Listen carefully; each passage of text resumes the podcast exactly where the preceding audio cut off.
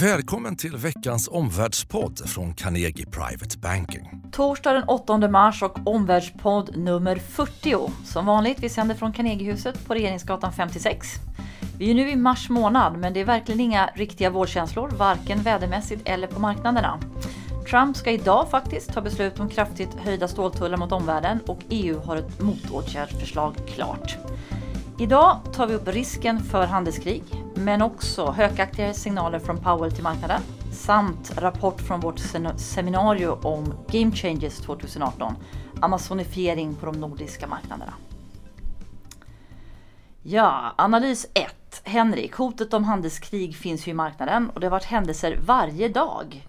Mm. Statsministern på, i Vita huset med Wallenbergarna, EU-kommissionen har presenterat motåtgärder och Gary Cohn, den ekonomiska politiska rådgivaren till Trump har ju lämnat. Om vi börjar med det avhoppet, ska marknaden vara orolig över att Kuhn lämnar Vita huset? Ja, eh, det är min bedömning att det här vållar oro både i Washington och på världsmarknaden. Vi har sett hur det sätter press på börserna och sätter press på, på dollarn. Gary Cohn har ju varit en buffert mot presidentens mer eh, radikala infall. Han har haft en förståelse för globala affärsförbindelser och allmänt då liksom en vuxen röst i rummet som nu lämnar rummet och det där förskjuter balansen i administrationen. Det kan få långtgående konsekvenser för USAs ekonomiska politik. Det vi vet är att det skapar så att säga liksom, ja, osäkerhet nu om USAs ekonomiska politik framåt och lite mer utrymme för, för populister och ekonomiska nationalister. Mm. Och det här har vi också kopplat då till frågan om tullar och kanske ett tecken på att Trump har bestämt sig för att verkligen införa dem. Ja, det, det får ju sägas vara ett tecken på detta, även om vi då inte har sett det här beslutet eh, på pränt ännu. Eh, många krafter verkar ju nu då för att eh, påverka Trump, antingen sätta tryck på honom i Republikanska partiet eller deeskalera honom mm. som eh, trots allt EU och, och kanske Löfven eh, försökte med när han var i Vita huset. Eh, jag uppfattar det som och tolkar det som att Löfven eh, faktiskt försökte ta ner offentligt tryck från EU på eh, Trump. snarare att ett sådant offentligt tryck inte biter på honom, snarare så förstärker det hans position Eh, det är snarare tryck inifrån, eh, från det mm. republikanska partiet som möjligen kan eh, spela roll i detta och, och justera beslutet eller se till att det inte blir något beslut alls. Mm. Jag, jag, jag, tror att det där trycket inifrån republikanska partiet det är tydligt också i vilka åtgärder som EU-kommissionen igår då, onsdags presenterade. Det, det återspeglar att man satsar på ett tryck i Republikanerna mot Trump. Hur menar du då? Förklara gärna Henrik. Ja, det är, det är de här motåtgärderna som EU-kommissionen presenterade igår. Eh, det bygger mycket mer på politik än ekonomi eh, och handel egentligen. Eh, det var tydligt att det här var då motåtgärder med tullar på amerikanska produkter.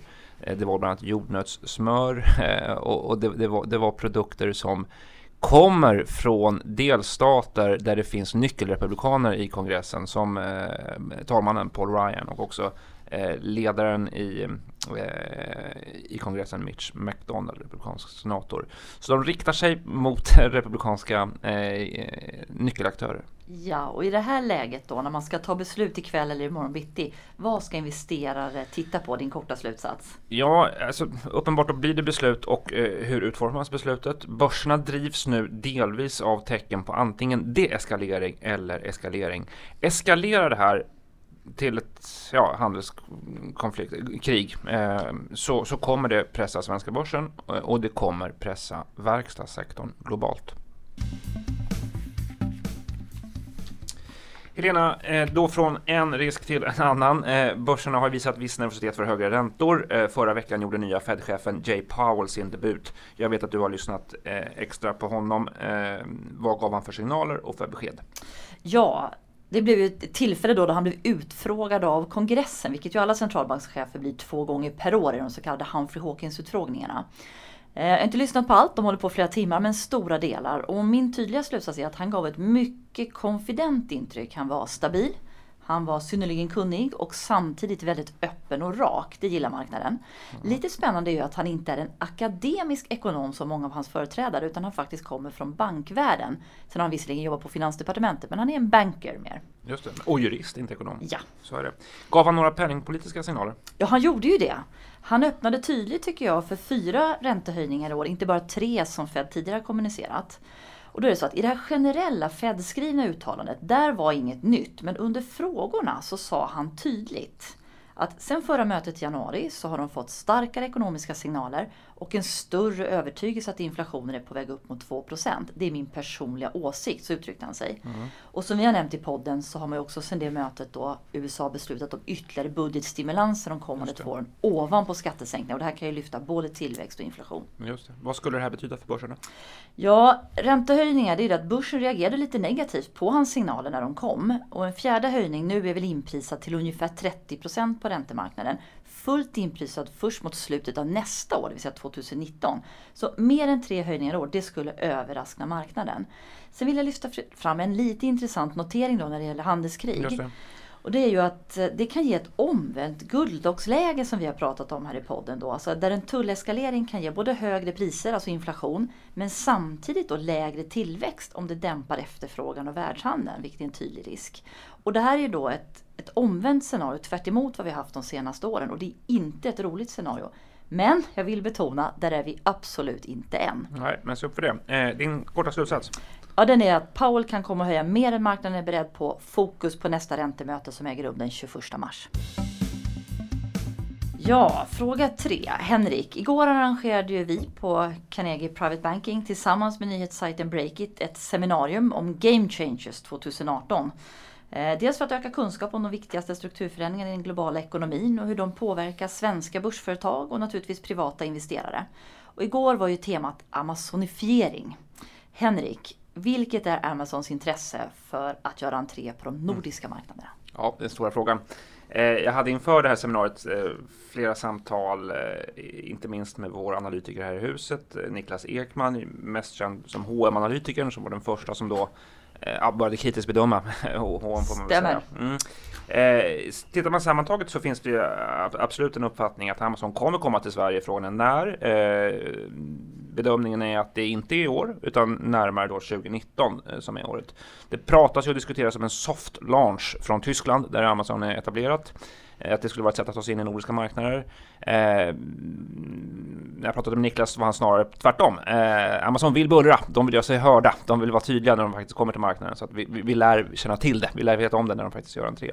Eh, Sverige har ju en, en, bra marknad för Amazon, eh, en hög uppkopplingsgrad, eh, många eh, smartphones, smartphone-tätt här. Samtidigt så är det ju, ja, tittar man på nordiska marknaden som en, en, helhet så är det ju ändå fyra olika språk, det är olika valutor det är också till exempel i Sverige stora distanser, stora geografier. Heller inte den bästa postgången som påpekas. Så att det, Niklas Storåkers, eh, Pricerunners VD, var med på scenen igår eh, på vårt event och han gjorde bedömningen att ja, Amazon har fattat ett beslut, men det är ett amerikanskt bolag så de kan också ändra sig förstås. Vi får se. Ja, vad, vad skulle ett sånt här inträde på marknaden betyda för den traditionella detaljhandeln? Ja, eh, vi, vi, har ju sett det vi har refererat till tidigare som peakbutik eh, under 2017. Det, det är ju en väldigt smärtsam omställning just nu i, i detaljsektorn, både för H&M och Clas Ohlson också för den del. Flera andra ska sägas. Skulle det komma sådana här handelsjättar eh, som gör entré i Sverige så skulle det troligen skynda på online-migrationen. Eh, vilket talar för att de som drabbas hårdast troligen är traditionella butikskedjor snarare än lokala e-handelsaktörer som ja, man kan dels nämna Zalando då kanske mm. och eh, också eh, Boost eh, som ett exempel på det där.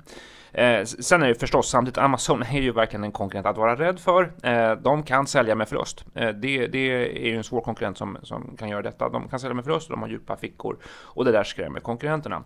Samtidigt en viktig aspekt tycker jag när man pratar e-handel här så att kundernas kravbild ökar hela tiden. Det ska vara fri frakt, fri frakt det ska vara fria returer.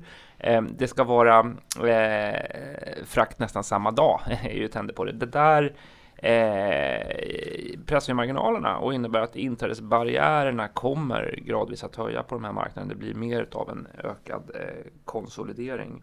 Och ja, på temat vad det betyder mer, det var ett påpekande. Det kan betyda någonting att vi måste effektivisera vår postgång. Få en ja. mer effektiv post.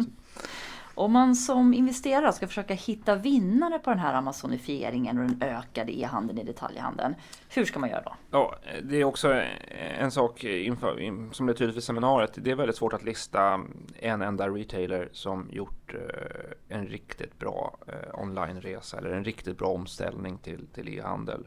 Eh, tvärtom är det ju massor med exempel på, på de som har stora resurser som faktiskt eh, misslyckas helt. Eh, många tillväxtresor i detaljsektorn, i detalj, detaljhandeln är över.